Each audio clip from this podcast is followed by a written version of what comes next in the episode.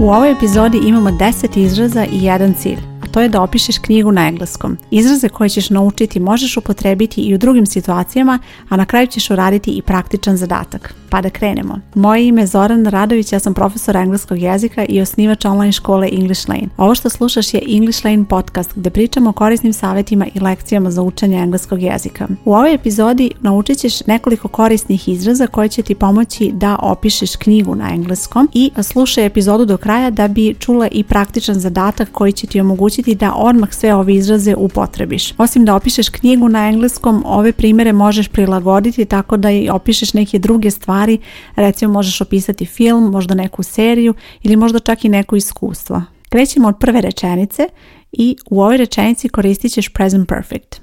I've read that book ili možeš reći I haven't read that book yet.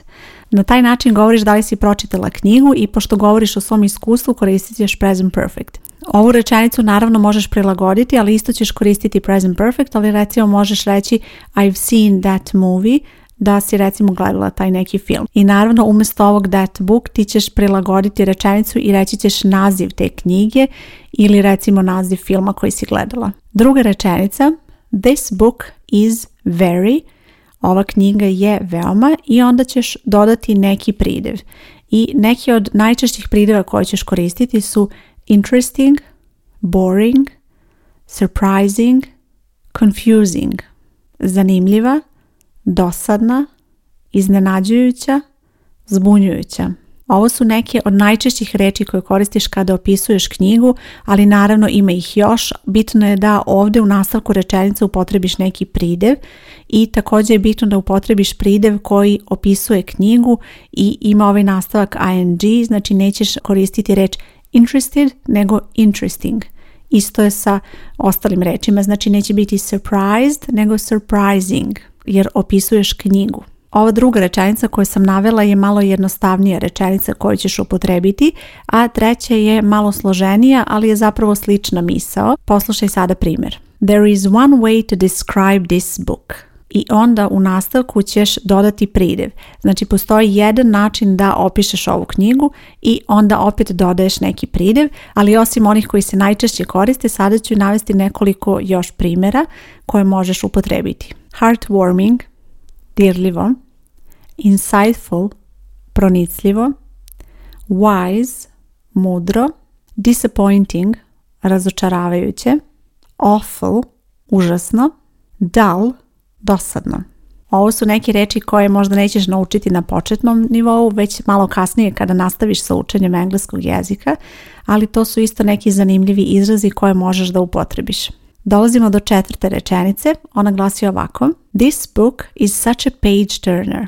Page turner je izraz koji koristiš za knjigu koja je izuzetno zanimljiva i koja onako te vuče da prelaziš sa stranice na stranicu koju ne možeš da ostaviš i ne možeš da prestaneš da čitaš i vrlo jedan zanimljiv izraz i na ovaj način ćeš ga upotrebiti rečenicu This book is such a page turner. Peta rečenica se odmah nadovezuje na ovu prethodnu. I couldn't wait to get to the next chapter. Na ovaj način govoriš da jedva čekaš da pređeš na sljedeće poglavlje i to se obično dešava kada opisuješ neku knjigu koja je tebi izuzetno zanimljiva. I ponovit ću još jednom rečenicu. I couldn't wait to get to the next chapter. Sljedeća rečenica, to je šesti primjer, će početi ovako. The book is about. I onda ćeš sada u nastavku prilagoditi rečenicu, znači napisat ćeš o čemu je ta knjiga. Evo navešću jedan primjer. The book is about a family from a small town in 1980s. Na ovaj način ti govoriš detaljnije o toj knjizi, šta se tu dešava, o kome je knjiga, da li o nekoj osobi, o porodici, o nekom događaju i tako dalje i možeš započeti rečenicu na ovaj način i onda ćeš samo morati da prilagodiš nastavak rečenice. Sljedeću rečenicu ćeš također koristiti da dalje pričaš detaljnije o toj knjizi. The protagonist is i onda ćeš u nastavku opisati ko je glavni lik u toj knjizi i po čemu je specifičan. The protagonist of this book is a young woman who goes through a lot of challenges. Na početku je the protagonist of this book is i onda dodaješ osobu i u nastavku je who, a young woman ili a man who zato što govoriš o osobama i dalje nastavljaš da pričaš o tome šta ta osoba doživljava i na taj način polako prepričavaš radnju knjige. Ukoliko želiš da opišeš neki od drugih likova, možeš početi rečenicu i ovako. One of the protagonists is i onda ćeš opet dalje nastaviti rečenicu i prilagoditi je situaciji. Sljedeća osma rečenica počet će ovako. I liked, pa ćeš sada dodati nešto i na kraju ćeš dodati the most. Kada ovako upotrebiš rečenicu, to znači da ti se nešto najviše dopalo. Dakle, prvo ide I liked, pa će onda biti šta ti se to dopalo, a onda na kraju the most. Poslušaj sada odmah i primjer. I liked the ending the most. Najviše mi se svidio kraj knjige. I liked the scene in the park the most najviše mi se dopala scena u parku. Znači ovo su neke situacije gdje možeš da upotrebiš ovaj glagol like, ali ti želiš da kažeš da ti se najviše nešto dopalo, ali vrlo je bitan ovaj red reči, na kraju će biti ovo the most. Sljedeća deveta rečenica, I would recommend this book. Ovu rečenicu koristiš ako želiš da kažeš da preporučuješ ovu knjigu drugima i koristiš ovakvu rečenicu ili možeš čak i dodati I would highly recommend this book i imamo još jednu desetu rečenicu koja glasi ovako. I want to read, pa dodaješ naziv knjige i onda na kraju dodaješ next. Na taj način govoriš o knjizi koju sljedeću želiš da pročitaš. I want to read, zatim naziv knjige i onda dodaješ next. Bitan je opet taj red reči gdje ćeš naziv knjige ubaciti između. Sada imam praktičan zadatak za tebe.